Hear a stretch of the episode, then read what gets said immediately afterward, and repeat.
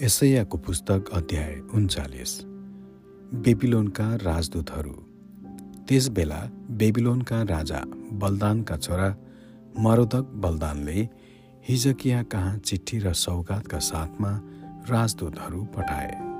उनले तिनी बिरामी भएर फेरि निको भएका छन् भन्ने सुनेका थिए। हिजकियाले ती राजदूतहरूलाई सहर्ष स्वागत गरे र उनीहरूलाई आफ्नो भण्डारका सुन चाँदी मसलाहरू सुगन्धित तेलहरू आफ्ना सारा हतियार गृह र आफ्नो कोषमा भएका सबै सामानहरू देखाइदिए। आफ्नो महल र आफ्नो राज्यमा तिनले उनीहरूलाई नदेखाएको कुनै पनि थोक थिएन। तब यसैया अगमवक्ता हिजकिया राजा कहाँ आएर भने ती मानिसहरूले के भने? र उनीहरू कहाँबाट आएका थिए?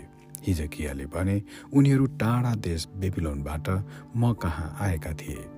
अगमवक्ताले सोधे उनीहरूले तपाईँको दरबारमा के के देखे? हिजकियाले भने उनीहरूले मेरो दरबारमा भएका सारा चिजहरू देखे। मेरो भण्डारमा मैले उनीहरूलाई नदेखाएको कुनै कुरा छैन। तब यसैयाले हिजकियालाई भने सर्वशक्तिमान परमप्रभुको वचन सुन्नुहोस्। त्यो समय निश्चय नै आउनेछ।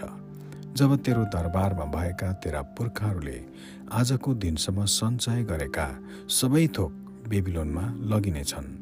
केही पनि छोडिने छैन परमप्रभु भन्नुहुन्छ। तेरा कतिपय सन्तान जन्मिएका तेरा रगत र मासु त्यस त्यहाँ कैदमा लगिनेछन् र तिनीहरू बेबिलोनका राजाको महलमा नपुंसक बन्नेछन्। हिजकियाले जवाफ दिए तपाईँले भन्नुभएको परमप्रभुको वचन असलै छ किनकि तिनले विचार गरे मेरो जीवनकालभरि त शान्ति र सुरक्षा हुनेछ।